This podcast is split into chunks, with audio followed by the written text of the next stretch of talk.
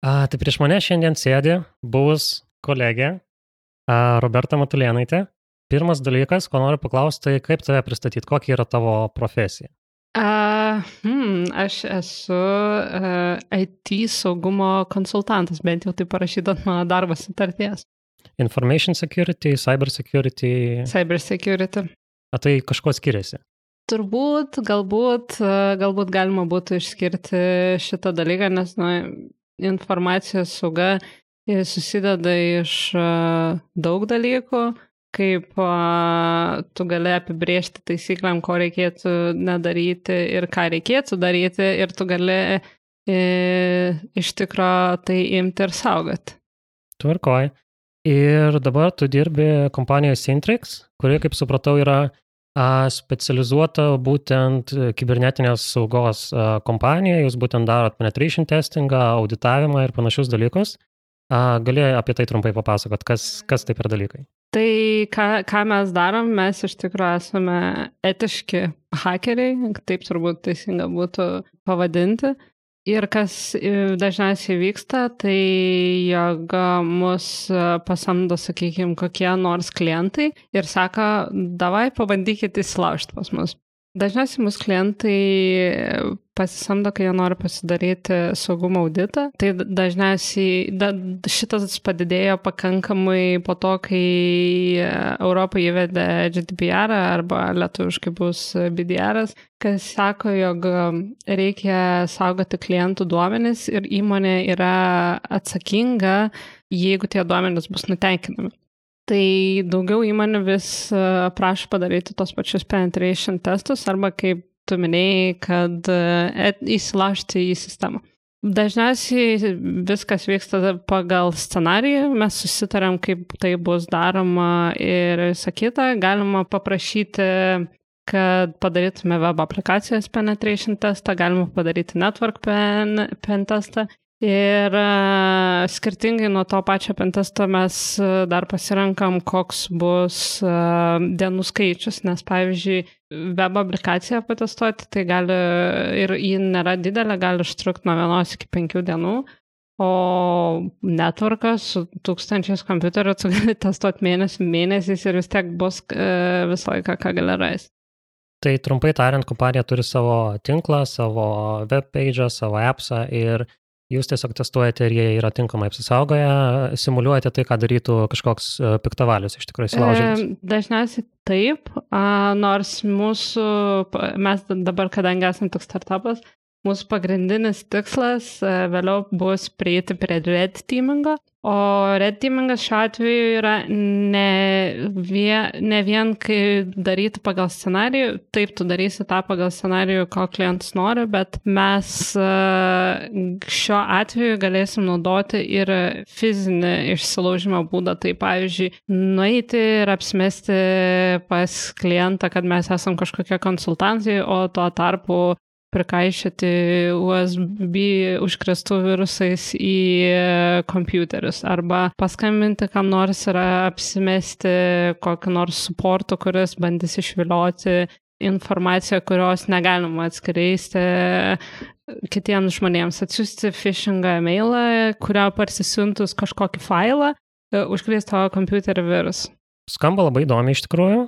Ne tik, ne tik laužytės į kompiuterius, bet, sakykime, laužėtės ir į, į pastatus, į įmonės teritoriją, tikrinat, kaip veikia tos saugumo sistemos. Tai prie to dar sugrįšim, bet iš pradžių pašnekėkime apie tai, kaip viskas prasidėjo, tai kada apskritai tave sudomino galbūt IT apskritai ir, ir būtent saugumo sritis, taip konkrečiau. Kad IT norėsiu studijuoti, žinau, dar uh, tikrai mokykloje ir uh, kai yra dešimtai klasiai pasirinkimas, uh, kokius dalykus turi pasirinkti, kad galėtum specialybę tam tikrą studijuoti, IT jau buvo vienas iš tų, kuriuos aš norėjau mokytis kadangi gal turbūt pirmą kartą gyvenime, kai atsisėdau prie kompiuterio, man labai patiko jo įspaudinėti ir ten buvo, oho, kiek visokių įdomų dalykų galima su juo padaryti.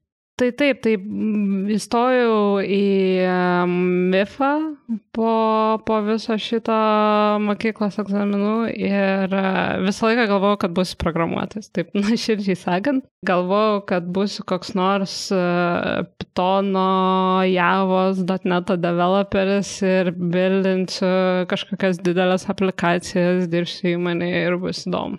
Pabaigus, nu ne visai pabaigus universitetą, jau buvo praktika, E, nuėjau dirbti prie labai tokia egzotinė kalba ir labai egzotiniai projektai Microsoft Dynamics AX, tada sužinojau, kad egzistuoja tokia kalba kaip X. Ir man nepatiko. Nežinau, nežinau kodėl tada.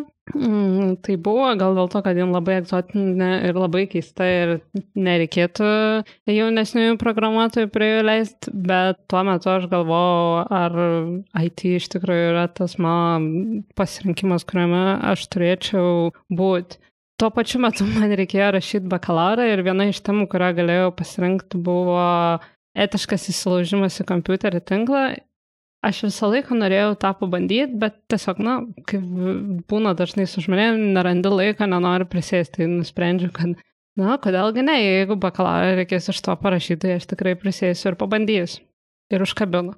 Labai užkabinu. Dariau e, Vilniaus universiteto matematikos ir informatikos fakulteto sistemoje auditą. Radau tokį labai smulkų pažydžiamumą, bet ten buvo tiek daug laimės ir tai buvo įdomu viską daryti ir gintis. Kad aš tada nusprendžiau maždaug, kad aš noriu toliau tą tęsti ir, ir taip išsikabinau.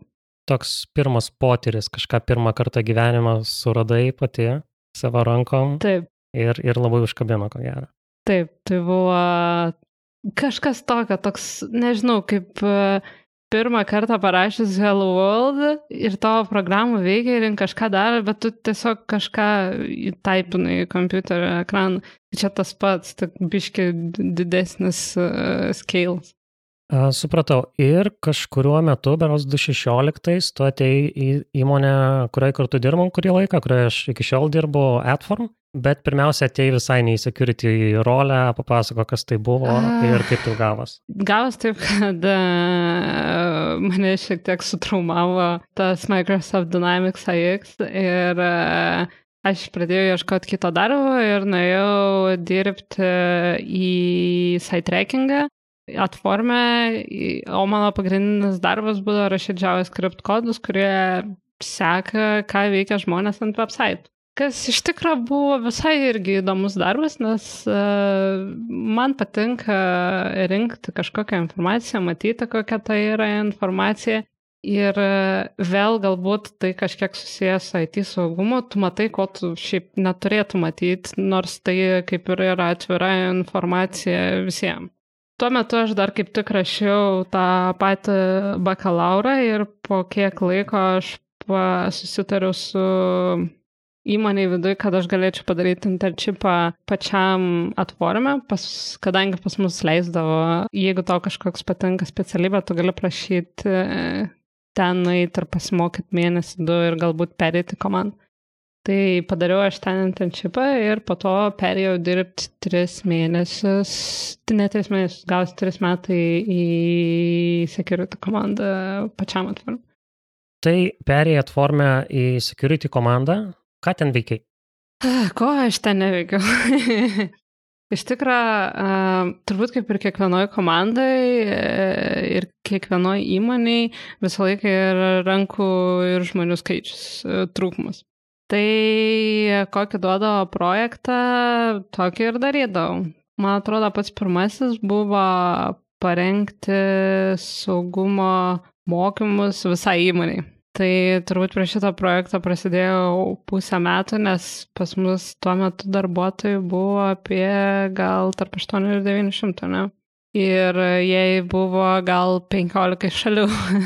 tai yra šiek tiek tokio challenge, kai ypatingai, kai tu nori tų treningų padaryti, kad jie būtų tik tai pliusiukas, kad juos padarai, e, nes to reikalavo mūsų sertifikatas. Um, aš norėjau iš tikrųjų padaryti, kad jie būtų kažkokie įdomesni Bet vėl atsiriame viskas e, į problemą, jog e, yra biudžeto trūkumas. Tai kas buvo, kas nebuvo, buvo visai naudinga, buvo smagu. Iš žmonių negavau jokio, jokio nusiskundimų, sakė, kad ir gerai. Tai už tą kainos ir kokybės santykį, sakau, atitiko. Pranoko turbūt kokybė buvo geresnė. Ko mokai žmonės e, tame treninge? Ar, ar, ar mokai, kaip netidarinėti keistų nuorodų, ar, ar dar kažko? Su keistom nuorodom buvo kitas treningo e, būdas. Jeigu paliksim tuos treningus, kurie ten turėdavo žmonės peržiūrėti video ir atsakyti klausimus, e, video buvo smagus, klausimai irgi šiek tiek juokingi. Bet uh, įdomiausias būdo, būdas, kaip žmonės iš tikrųjų treniravom neatidarinėti nuorodų. Kas maždaug pusmetį aš rašinėdavau visos įmonės mastu phishingo emailus ir uh, būdavo skirtingi scenarijai. Dabar reiktų prisiminti, koks buvo pirmas. Gal tu pameni, kokį aš pirmą scenarijų rašiau? Aš tikrai neatsimenu, aš galbūt pamenu vieną iš paskutinių scenarių, kai neva administracija rašė, kad reikia pasirinkti ar tai kalėdų dovaną ar kažką. Ir aš, aš puikiai atsimenu, kad labai daug žmonių paspaudė ir būtent norėjau paklausti, ar tau netrodo, kad būtent žmonės, kurie dirba su IT, jie mano, kad yra labai protingi ir mano, kad, na, aš paspausiu, bet po savo duomenų nesuvesiu, aš kaip ir žinau, kad čia apgaulė, bet man vis tiek įdomu pasižiūrėti, kas po to nuorodo, nes kaip ir neapgaus manęs, iš tikrųjų. E, ir taip, ir, ir taip ir ne. Nes um, dauguma, kaip čia pasakyti, mes nesitikim, kad phishingo emailai bus iš tiesų protingi. Mes tikimės, kad aš esu princas iš Afrikos ir aš tau padovanosiu e, milijoną eurų ir tu atrašyk. Ir dėl tokių emailų mes galvojam, kad niekas neparašys nieko protingo. Bet kaip būdavo ruošiamas šitom visom kam, kampanijom, turbūt kampanijom reikėtų pavadinti, tai, kad mes iš tiesų norim sukurti realią situaciją, kuri galėtų įvykti atformę, padaryti belen kokį atitikimą, kai panašios signatūros, e-mailas atrodo kaip lik būtų siūstas iš tikrųjų iš administracijos, ir pažiūrėti, ant kiek žmonės vien pamatę e, tą e-mailą iš vizualios pusės paspaus. Ir visi dažniausiai paspausdavo dėl to, kad jis vizualiai atrodo toks, koks atrodytų uh, siunčiamas iš administracijos. Aišku, tu turi palaikyti tą pačią kalbėjimo manierą, tu turi įdėti kažką tokio, tu negali tiesiog linką dėti, tu turi jį kažkaip užmaskuoti, kad jis atrodytų lyg iš tikro eina į mūsų vidinį tinklapį ir panašiai. Taip gal mes įdėdavom kažkiek vidinės informacijos, nu, remdam, darydavom tuos kampeinus, remdamasi, kad mes turim kažkokią vidinę informaciją, bet niekas nu, negali pasakyti to, kad tos informacijos niekas neišlykins į, į išorę ir kad a, patys a, šitie atakuotojai jos nesusirinks. Taip ir gaudos. Ir šiaip, uh, sakant, aš turbūt surinkčiau daugiau klikų, bet žmonės viduje prasinformuoja. Kad, oi ne, nes pask čia vėl uh, security komanda trolina. jo, iš, iš to, ką pasakoji, tai man atrodo, aš žinau tokį terminą kaip spearfishingas. Tai yra mm, fishingas taip. paprastas, kaip sakei, dažniausiai buvo kas nors laiškas iš Nigerijos princo, kuris siunčiamas tiesiog daugybė žmonių ir tikisi, kad kažkas ir ant tokio kvailo dalyko pasimaus. O spearfishingas, tai kaip suprantu, yra a, labai targetintas, surinkama daug informacijos ir būtent sakykime, susirinkė informaciją apie tai, kas yra įmonės direktorius ir panašiai, panašiai, ir tada būtent žinai, kaip juos, sakykime, apsimesti arba, arba kaip jį patį apgauti. Turi, turi pririnkti daug informacijos ir būtent, būtent specialiai tai įmoniai paruošti kažkokią, kažkokią ataką. Taip, tu esi visiškai tiesus šitą aspektą. Bet yra dar kitokių būdų, yra SMS-ingas ir tada yra veilingas. Veilingas yra tada, kai tu targetini, vad būtent tuos aukšto rango žmonės dažniausiai iš C-level, nes vails. Didieji banginiai. Taip. tai kiek vykdėjai tų phishing testų, tai dažniausiai turbūt procentai buvo didesni negu Aš tikėjai. nesu, aš, ta, aš nesu tikra, kad aš galiu sakyti tos procentus. Ne, aš, aš tiksliai neklausiu, bet aš, aš tiesiog man įdomu, ar, buvo, bet, ar, ar nebuvo liūdna, kad jie buvo galbūt, galbūt didesni negu turėtų. Žinai, ta kalėdinė kompanija buvo kol kas sėkmingiausia iš visų. Bet kaip iš tikrųjų būda, tu užsidėdavai kažkokią procentą, kiek tu nori pasiekti, nes tu vienu momentu nori įvertinti savo kompanijos uh, posture ir tada kitu atveju tu nori vertinti savo kaip uh, hakerio security auditorius um, skillsetą. Ir tu džiaugies, kad yra daug žmonių, uh, kuriuos tu nufišinai, nes e, tu iš tiesų gali parašyti gerą mailą, kuris juos apgaus.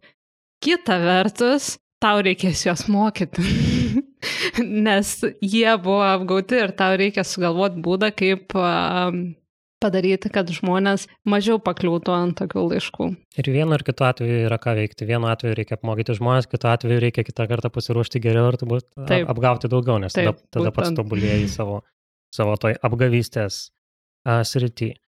Ar teko per darbo atformę spręsti kažkokius tokius tikrus gyvus saugumo incidentus? Ar buvo kažkas įsilaužęs, sakykim, tiek, kiek gali pasakoti, žinoma, ar, ar buvo kažkokios praug, e, saugumo spragos e, praneštos iš išorės? E, įsilaužti pas mus nebuvo niekas įsilaužę, bent jau aš nežinau, ar pas mus buvo kas nors įsilaužę. Esam patyrę DDoS atako ir e, šiek tiek gal skaudžiai, bet e, pakankamai greitai atsistatėm. Tai to, tokių dalykų, kad e, būtų įsilaužta ar kažkokio netekimo dar kol kas neturėjom. Vieną kartą beveik sėkmingai buvo nufišinamas bet nepavyko, nes e, reikia padaryti skambutį papildomai. Tai va vienas tas skambutis, kurį reikia padaryti, e, išgelbėjo nuo galbūt nemažos pinigų sumos netekties. Tai visai, visai smagu girdėti, kad visgi, visgi kažkokios saugumo procedūras išgelbėjo nuo, nuo kažkokio, kažkokio praradimo. Minėjai DDoS atakas, tai trumpai tariant, čia, čia yra atakos, kai iš daug kompiuterių, kokį nors serverį yra siunčiama daug srauto, tiesiog su tikslu, kad, sakykime, tas serveris užlūštų, ne, ne, nesugebėtų, nesugebėtų susitvarkyti su tiek srauto ir tiesiog joks normalus vartotojas nesugebėtų naudotis arba, sakykime, net ir, net ir kompanijos viduje kažkas, kažkas nulūštų, tiesiog nesusitvarkytų su to viso atakos srauto. Taip. Taip. Ar yra apskritai kaip susitvarkyti, aš nuoširdžiai nežinau, su tokia, su tokia ataka? Tai po to, kai mus uh, nudadosino, e, mes, uh, nu, ne, nenudadosino, bandė nudadosinti, bet mes turėjom su to problemu, mes bandėm ieškoti sprendimų.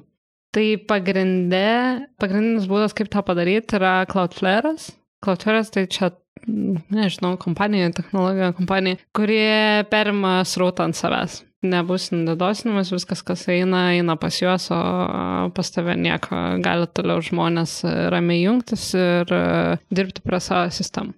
Juos vieną kartą buvo numušę, man atrodo. Jeigu neklystu, buvo GitHub dadosino, jie buvo liktais po Cloudflare ir, ir pramušė, nes buvo didžiausia kada nors padaryta dados ataka. Bet reiktų pasitikrinti. Tai Cloudflare'as, jie tampa tokia kaip pirma apsaugos grandimė, kad neleistų praeiti tam visam blogam srautui iki jau pačios kompanijos serverio. Taip, dar yra kaip ir firewall taisyklės, kad dropintų trafiką iš, na, nu, sakykime, jeigu yra ten vienas IP, tai dropintų trafiką iš vieno IP, bet firewall irgi reikia pagalvoti, kad reikia padropinti. Tai irgi pradeda sistema lėtėti. Nėra, nėra taip lengva, nėra taip straightforward apsisaugoti nuo tokio atako, taip? Nu, taip, taip, taip, sakyčiau taip. Aišku, ir šiemet tu palikai formą, kaip man sakė, ieškai kažko naujo, tai kuria, kuria kryptim tiesiog pasukai, ką veiki dabar savo kompanijai Sintrix, šiek tiek, šiek tiek plačiau jau, jau paminėjom, bet tiesiog ką veiki dabar?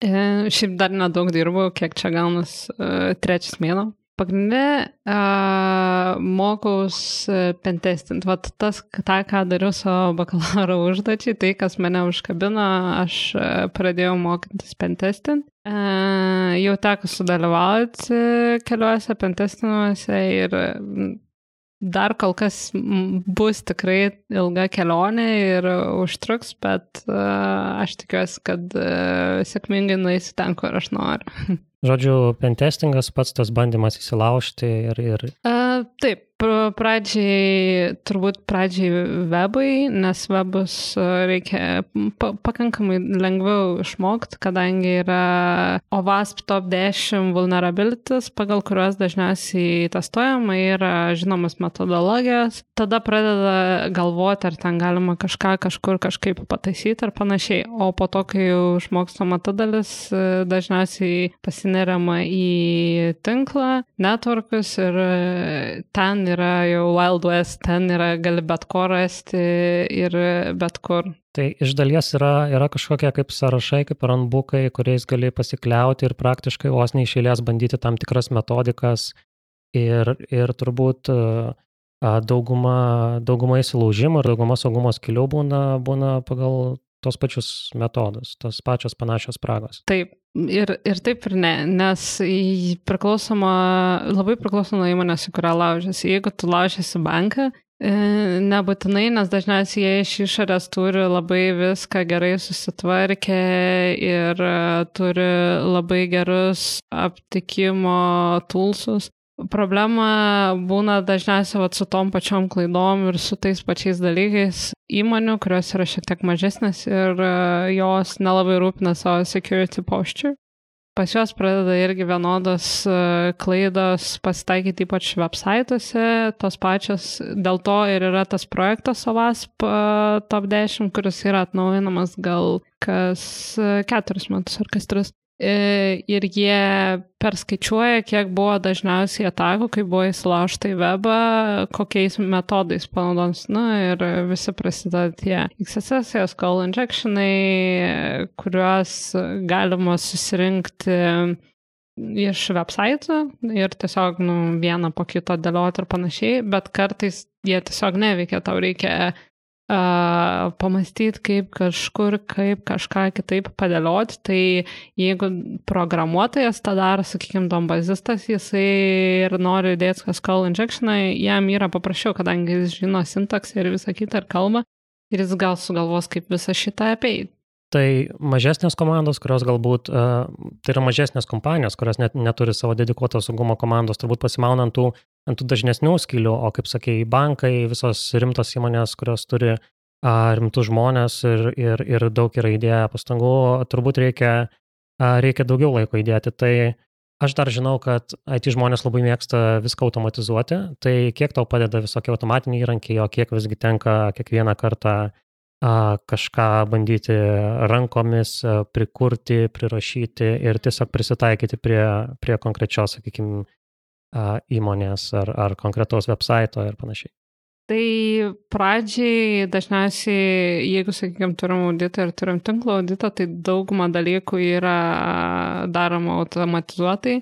Kaip ir pats minėjai, programuotojai mėgsta automatizuoti, tai hakeriai irgi kaip ir mėgsta automatizuoti. Yra visokių toolsų, vienas iš turbūt naudingiausių yra vulnerability scanneris. E, tai ką darai, tu ten, jeigu tu turi prieimą prie šitų website, netvarką ir panašiai, susidedi visą reikalingą informaciją, kurios tau prašo ir jie patys patikrina kažkokiais metodais. Aišku, gali būti uh, false positive, tai tau reikia, jau kai jau sužinai maždaug, į kurią kryptį tu eisi, tai tu pasiemi tuos ir jau tada rankom viską testuoji ir panašiai. Labai svarbu turėti tuos pirmus žingsniukus, kuriuos darai, kai pradedi pentestinti, tai šita pirma fazė ir vadinasi reconnaissance, kai tu išsiaiškini, kas yra, kur yra ir kaip su tuo dirbti.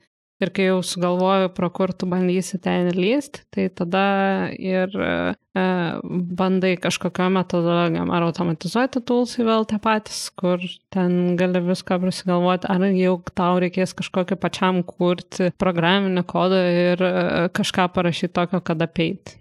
Aišku, kaip programuotojas, tai tarp mūsų labai dažnai šnekama, kad uh, šiais laikais labai greitai keičiasi technologijos, turi mokytis kažkokią naują technologiją, naują kalbą, naują frameworką, vos, vos ne kas metus mestis prie kažko kito, nes keičiasi rinka, keičiasi mados. Ar taip dažnai gali keistis ir, sakykime, įsilaužimo būdai, ar atsiranda naujų tipų kažkokių pažeidžiamumų, ar, ar sakykime, tas, kas veikia prieš dešimt metų, tą patį galima daryti ir dabar pačių pažeidžiamumų, naujų variantų, nepasakyčiau, kad taip dažnai atsiranda. Problema būna dažniausiai, kad būna vat, e, zoologijos soda, kurį padaro programuotojai. Kai padaro zoologijos soda programuotojai, dažniausiai ten atsiranda ir klaidas. Per tas klaidas e, ar kažko nesužiūrėjimo ir panašiai, e, dažniausiai hakeriai ir įsilaužia, kadangi m, šitas jau nebemadoj, bet dėl visako mes palikim jį dar raninti, nes mums gal jo prireiks. Ir ten yra kokiu nors 10 metų pasenęs softas, kuris turi e, duombazį eksploitų 20 būdų, kaip įsilaužti. Nu. Kaip atrodo tokia tavo tipinė darbo diena, sakykime, ar tu, ar tu ilgą laiką dirbi prie kažkokio vieno projekto, vienos įmonės tinklą testuodama, tiesiog atini darbę, ryte, atsisėdi, pasidarai kavos Ir ką tu tada veiki? Tiesiog. Um, ką aš, labai priklauso nuo to, koks projektas ir kelinta, kelinta darbo diena. Nes e, dažniausiai teisina, prie vieno projekto dažniausiai teisina parduoda vieną darbo dieną, klientai užsiprašo, nu, pe, pe, kokiam penkiom dienom bent arba trim savaitėm ir panašiai. Na ir sakykime, jeigu būtų pirmas kelias dienas ir didesnis projektas, tai tada darai rekoną pirmom dienom. Išsiaiškini, kokie yra targetai ir panašiai. Tada jau pradedi paukinti viską aplinkui, įsilaužiai kokį nors vieną iš šitų ir, gali, ir ieškai, kaip gali toliau eiti ir žiūrėti, ką gali pasidaryti. Dažniausiai eina lengviausių būdų ir bandai susirinko daugiau prisijungimų ar bandai brutforsinti ir panašiai, nes Taip yra tiesiog paprasčiau, o po to jau, kai turi prisijungimą prie kažkokios sistemos, eini ir tolyn ir ieškai. Ir galiausiai paskutiniam dienom, priklausomai vėlgi nuo e, projekto, jeigu didesnis, ten turbūt 3-4 dienas rašai raportą ir e, viską aprašai, ką tu e, radai, kaip tą galima padaryti, POC, ir tada ką reikėtų pataisyti sistemai, e, kad e, nebeliktų tų vulnerabiličių. Ar klientai informuoja savo įmonės viduje žmonės, kad bus vykdomas testas, ar nebūna taip, kad kažkur laužiasi, o kažkas, kas neinformuotas toje įmonėje, gali pastebėti, pradėti ieškoti, kas tai vyksta, nes aš klausiau interviu su fiziniais penetration testeriais, kurie laužiasi į, į pastatus, sakykime, kaip šnekėjom. A, tai jos būna, kad pagauna kas nors įmonėje ir, ir tada kviečia policiją. Ar policijai reikia aiškintis, kad mes nesam šiaip vagys, mes nesam šiaip įsilaužėliai, mus pasamdė būtent šitam darbui. Tai dažniausiai priklauso nuo pačio kliento. E, dažniausiai, kai darai tiesiog pentestus ir jeigu dar pentestai gali būti skirtingi, white boxas, grey boxas ar black boxas, tai white boxas tai klientas tau duoda viską, ko prašo ir prašai iki to, kad net tau atsiunsis source kodą ir tu analizuoji source kodą. Grey boxas duoda kažkiek e, kažkokių detalių, bet ne visko, o black boxas tu esi hakeris ir tu laiškas nuo nulio. Jeigu klientas nori, kad vat, toks būtų paprastas pentestas, tai dažniausiai viduje įmonėje žino, nes jeigu mes darydavom pentestus tam pačiam atformė, kur užsakydom, tai mes prainformuodavom uh, developerius ir IT, kad gali būti šitas uh, pentestas ir kad jeigu kas nors užlūštų, kad žinotų, į kur kreiptis. Vėlgi, kai yra red teamas, apie kurį minėjau prieš tai ir tu dabar čia pasakai, kad laužės į fiziškai į pastatus ir panašiai, tada niekas nesako, nes vat, tas įsilaužimas į pastatus yra būtent labiau personalo patikrinimas, kaip jie reaguoja ir iš tikrųjų kviečia policiją ar nekviečia policijos ir ką darys tokiu atveju. Nes, nu, jeigu aš galiu nueiti apsimesti konsultantų ir iš tikrųjų praeisiu pro žmonės, tai matyti reikia kažkam keisto. Jeigu jie žinos, kad aš ateisiu, tai jie turbūt jau lauks manęs prie durų. Visiškai logiška ir, ir yra tas pasakymas, kad jeigu, jeigu vilki šviesą atspindinčią lemenę ar nešiesi kopečias, tai turbūt tave visur įleis, nes, nes manys, kad, kad, tau, kad, kad tau yra ką veikti viduje. Kaip minėjai, tai pakeitė darbą, atrodo, kad tau ten kol kas smagu, bet nori išmokti daugiau, tai kokios tos rytys, į kurias nori, nori pasigilinti labiau dabar?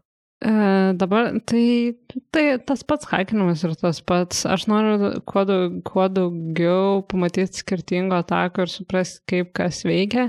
O kadangi yra labai platus spektras, nelabai eina koncentruotis ties vieno dalyko. E, na ir ateityje aš norėčiau pabandyti iš tikrųjų daryti ir tos pačius fizinius penetration testus, kur eini slinkti pas kažką į kompaniją ir apsimesti to pačiu konsultantu. Ar Lietuvo įmonės bent jau supranta, kad, kad galima daryti tokį dalyką, kaip testuoti savo, savo fizinį, savo biuro saugumą, nes apie įsilaužimus į serverius tai jau turbūt visi supranta, visi girdi naujienose, kad būna kažkas nuhakinta. Lietuvoje nelabai, nors kiek e, pažįstu kitų e, saugumą dirbančių žmonių yra buvo, kas e, prašė pabandyti vienoje ar kitoje įmonėje šitą padaryti ir dažniausiai tas būna sėkmingai, bet šiaip dažniausiai ne, nes nu, galvoja, kas mus hakins. Čia dažniausiai yra įmonių perspektyva, kad Nu, kodėl mus turėtų haginti? Ką mes čia blogo padarėme? Nu, niekas neįs į banką ir neužsimetinės konsultantų. Nu, nu, kodėl jie turėtų, pavojingas jums policija ir panašiai. Aišku. Aš programuotojas ir programuotojai yra dažniausiai skirstomi į tokius kelius lygius junior, sakykime, mid, regular ir panašiai ir senior. Tai ar, ar cyber security žmonės irgi skirstomi į kažkokius juniorus, seniorus, kurio tu lygio dabar formulėjasi, kaip pati jautiesi ir, ir, ir kur dar yra tobulėti, kur dar aukti. Taip, lygiai taip pat skirstami ir cyber security žmonės gali būti tas pats junioras, regularas ar senioras. Oficialiai ant popieriaus aš esu regularas, nu bent jau nesu, neturiu jokių priedėlių prie savo šitos, tai asuminu, kad regularas, bet uh, šiaip esu junioras, nes visiškai žalias žmogus esu atėjęs ką tik į šitą profesiją, bet po poros metų gal jau galėsiu vadinti save regularu. A, tai kaip sakai, yra, yra daug ko pasidomėti, daug ko naujo mokaisi. Ar yra kažkokių, sakykime, matytų metodikų ar matytų įsilaužimo istorijų, kurios tau padarė labai didelį įspūdį? Ir aš galiu pateikti porą pavyzdžių, nes kartais irgi paskaitau apie visokius hakus. Tai vienas dalykas, kuris buvo labai įdomus, tai kai mokslininkai surado būdą tiesiog iš kompiuterio procesoriaus skleidžiamų garsų, pastačius, sakykime, paprastą mikrofoną šalia, net ir telefono mikrofoną, atgaminti sakykime, kažkokius šifrus, šifravimo raktus, slaptažodžius, būtent iš to užfiksuoto garso.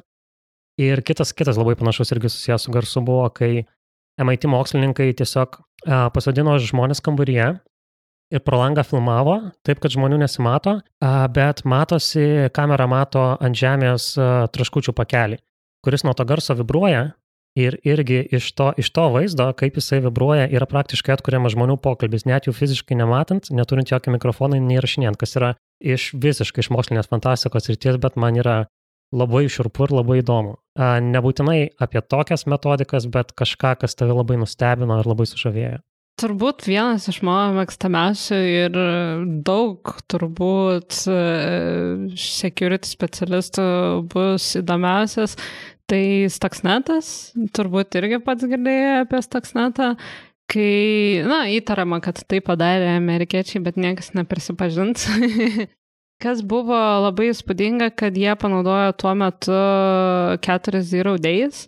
Uh, zero Day yra vulnerability, kuris yra nežinomas visuomeniai. E, ir dažniausiai, jeigu būna vienas hakas, e, koks nors didžiulis, tai dažniausiai būna vienas Zero Day, o ten buvo keturi. Juodajame markete toks vulnas dažniausiai parsiduoda už 100 tūkstančių dolerių. Tai jie buvo keturis ten sudėję ir ką jie darydavo, jie darė, um, į, į, į, kaip šalis vadinasi? Izraelis? Iz, man atrodo, Izraelio. Šioje vietoje gerokai apsirikom, Stuxneto sukūrimu ir platinimu buvo apkaltintos JAV ir Izraelio vyriausybės, kurios, kaip manoma, dirbo kartu o pagrindinis taikinys buvo būtent Irano branduolinės įstaigos. research labuose, kur jie šitą atominį, kur centrifugose suko, kad jis išsibalansuotų, tai jie sunaikindavo tuos, tas centrifugas. Įdomiausia tai, kad sistemos rodė, jog viskas yra, vyksta normaliai ir kad pasilaiko tas greitas, bet centrifugas būdavo visą laiką per lietai sukdavos ir jos subirėdavo, viskas sugadinos. Man atrodo, sugadino gal apie 30 procentų visos sistemos, nes jos pastovi birėdavo ir jas pastovi reikėjo keisti. Tai rezultatas, jei taip trumpai pasakius, tai buvo sunaikinta kažkokiu atominių jėgainių praktiškai dalys, kad jos nebefunkcionuotų? Uh, aš nesu tikra, ar ten atominė jėgainė, man atrodo, ten buvo research lab, uh, bet taip, susijęs su atominė, atominė elektra, būtent. Atominė elektra arba brandaliniais ginklais.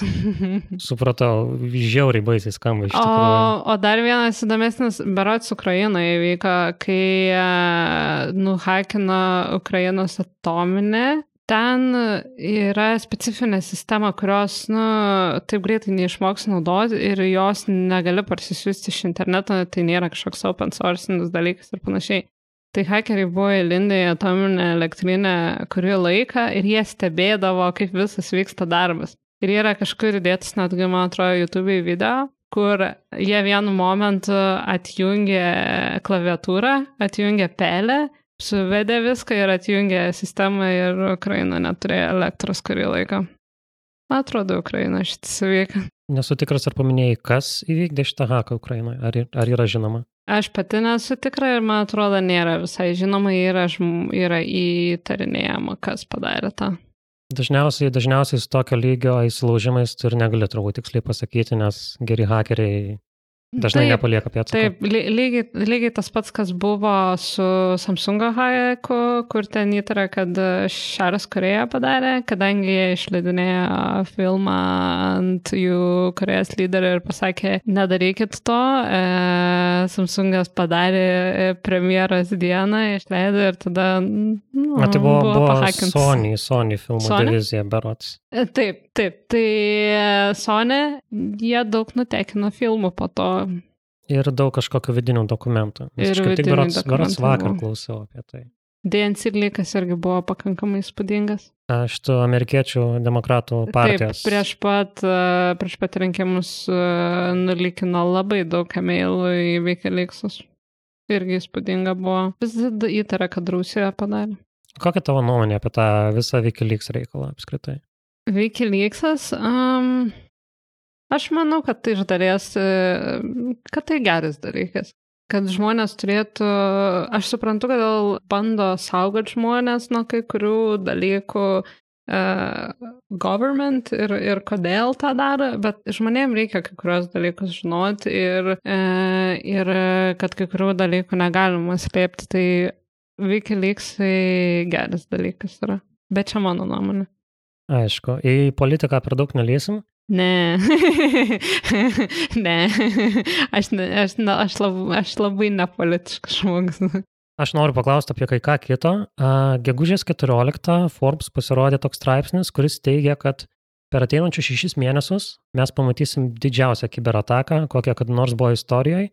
Per tą laiką matėm porą tokių įspūdingų atakų. Viena buvo Twitterio hekas, kai buvo a, pasimti akauntai galybės žinomų žmonių - Billas Gates, Elonas Muskas, Jeff Bezos, nesuskaičiuojamas kiekis turbūt. Ir panaudota tokiam gal kvailam dalykui, kai turi, kai turi prieimą prie tokio akaunto, jie tiesiog ištvitino bitkoino skemo nuorodą ir, ir gavo gal, nežinau, 10 bitkoinų, kas būtų gal apie 100 tūkstančių dolerių.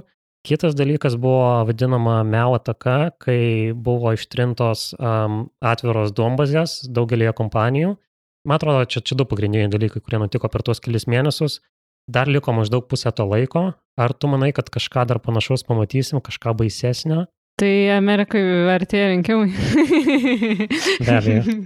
tai, nu, praeitais, prie, prieš tai rinkimuose buvo DNC lygas, tai galbūt e, kažką Rusija vėl pakrapštis. O kalbant apie kompanijas, vėlgi kažkokias Twitteris, Facebookas, ar gali būti, kad kaž, kažkur vėl bus įsilaužta greitų metų?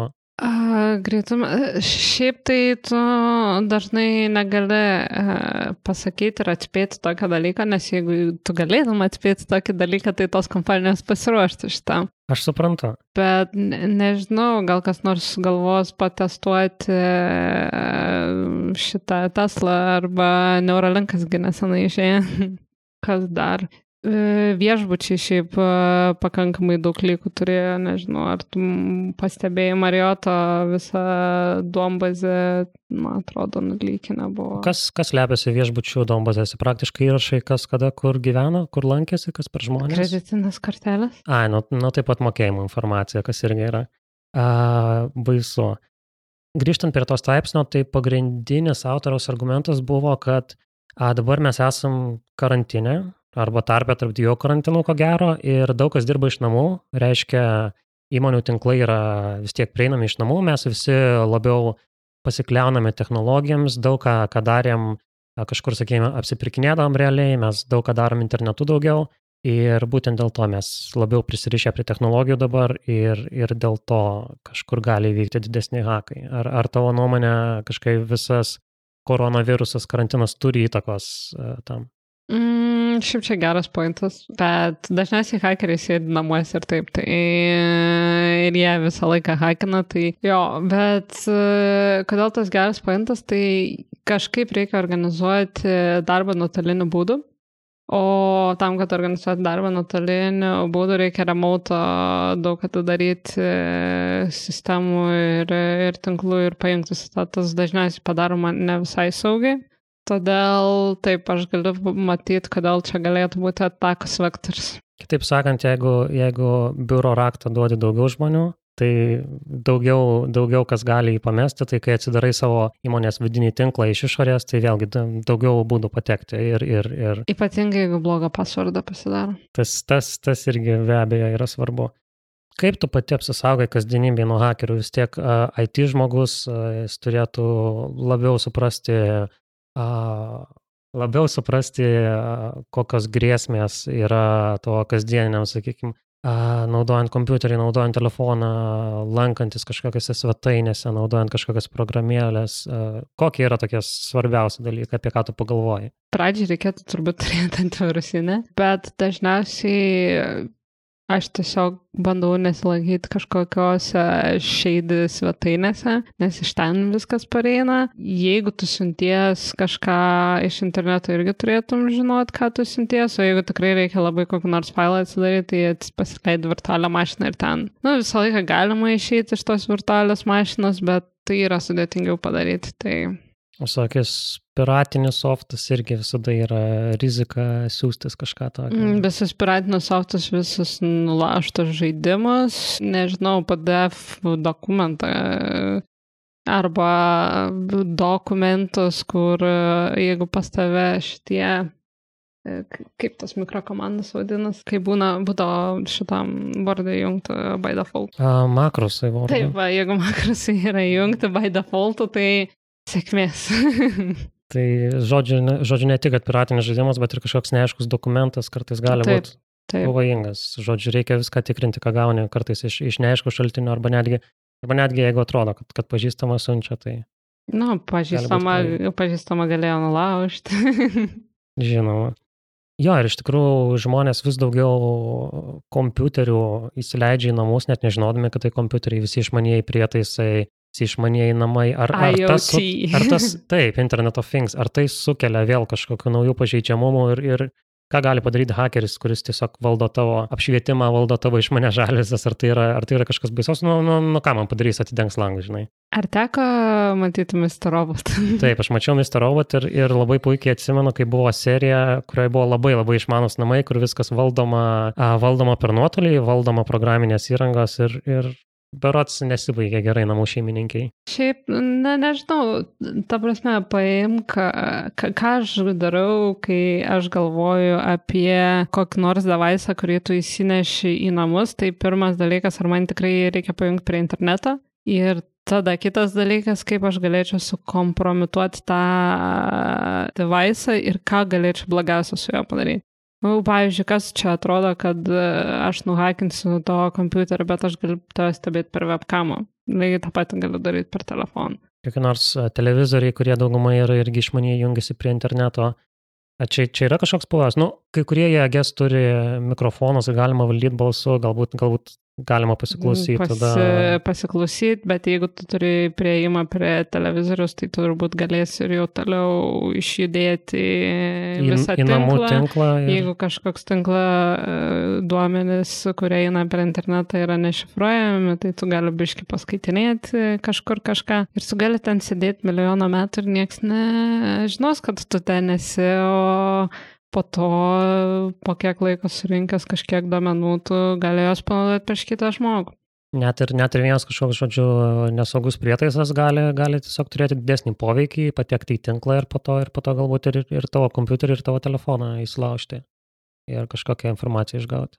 Taip, Tai pati, pati privengi pirkti kuo daugiau išmanių prietaisų, visokių jungti juos prie interneto ir panašiai. Mm -hmm. nu, aš stengiuosi uh, nepirkti ir, ir taip paprasta yra iš tikrųjų susiviliuotis išmaniais daiktais, nes, nu, kai tu pagalvoji, hm, o jeigu aš čia įdėsiu į savo išmanį orkaitę vištieną ir aš jungsiu namuose iš, jau kai eisiu iš darbo, kad uh, viskas įsijungtų ir keptų ir aš grįšiu ir jau bus šilta patiekta ir galėsiu valgyti. Bet kai tu pagalvoji, ką galima blogo padaryti su šituo, jeigu mes pahakinsim ir sudeginti tavo namus, aš nežinau, ar tu nori tą dalyką įsidėkti. Žodžiu, kai esi IT srities profesionalas, tai žmonės turbūt galvoja, kad tu nori visų naujausių technologijų, viską išbandyti, bet kartu ateina tokia sveika paranoja tikriausiai su tuo paranoja kuo toliau, tuo labiau didėja, nes aš dabar esu uh, junioras ir man jau paranojiška būti internete ir kuo toliau su kiekviena diena vis uh, daugėja tų dalykų, dėl ko aš darau paranojiška, tai ne, man nereikia naujų išmanių device. Tai buvo labai malonu šiandien su tim pašnekėti, iš tikrųjų sužinoti apie tavo karjeros progresą, apie, apie tai, ką tu darai kiekvieną dieną, kaip laužiasi ir, ir labai noriu palinkėti sėkmės toliau karjeroje, pakilti iš junioro, iš, nebe junioro, atsiprašau, iš, iš regular į senior ir, ir, ir tapti, ta, tapti tikrą meistrę. Jo, dažniausiai žmonių prašau pasiplaginti kažkokį savo blogą, website ar panašiai, sakai, kad neturite, galbūt tiesiog pasiūlyk, ko žmonėms pasidomėti, jeigu juos domina, sakykime, cyber security karjera, arba nebūtinai, arba jiems tiesiog įdomu paskaityti apie, apie tai, kaip dirba hakeriai, ar, arba, arba apie tai, kaip dirba tie, kurie saugomus nuo hakerių. Vienas iš įdomesnių dalykų uh, ir podcastų, kuriuos klausau, yra Darknet Diaries. Iš tikrųjų, vaikinas, kuris daro tą podcastą, mėgsta pasikapstyti giliau ir pasiaiškinti, kaip viskas įvyko, todėl jo pakankamai yra įdomu pasiklausyti. Dar vienas, kuris visai neblogas, yra Malicious Live. Ne, ne visai taip patiko kaip Darknet Diaries, bet irgi tikrai neblogas. O iš blogų paskaityti turbūt toks, kuris paprasčiau suprantamas ir nelabai gilinasi į techninės detalės yra The Hacker News. Jie pakankamai glaustai papasakoja, kas vyko, ką pahakino, kažkoks koks atsitiko naujas įvykis ir nelabai lenda į techninės detalės. Supratau, tai tikrai yra kur pasidomėti tiem, kam patiko šitas pokalbis. Ačiū tau, kad atėjai, ačiū tau, kad papasakoji ir sėkmės visame kame. Ačiū ir tau. Ačiū klausiusiems. Primenu, kad visus podcast epizodus galite rasti YouTube, internete kordet.lt bei daugumoje podcastų platformų, įskaitant Spotify, Apple Podcasts ir kitas. Iki kito karto.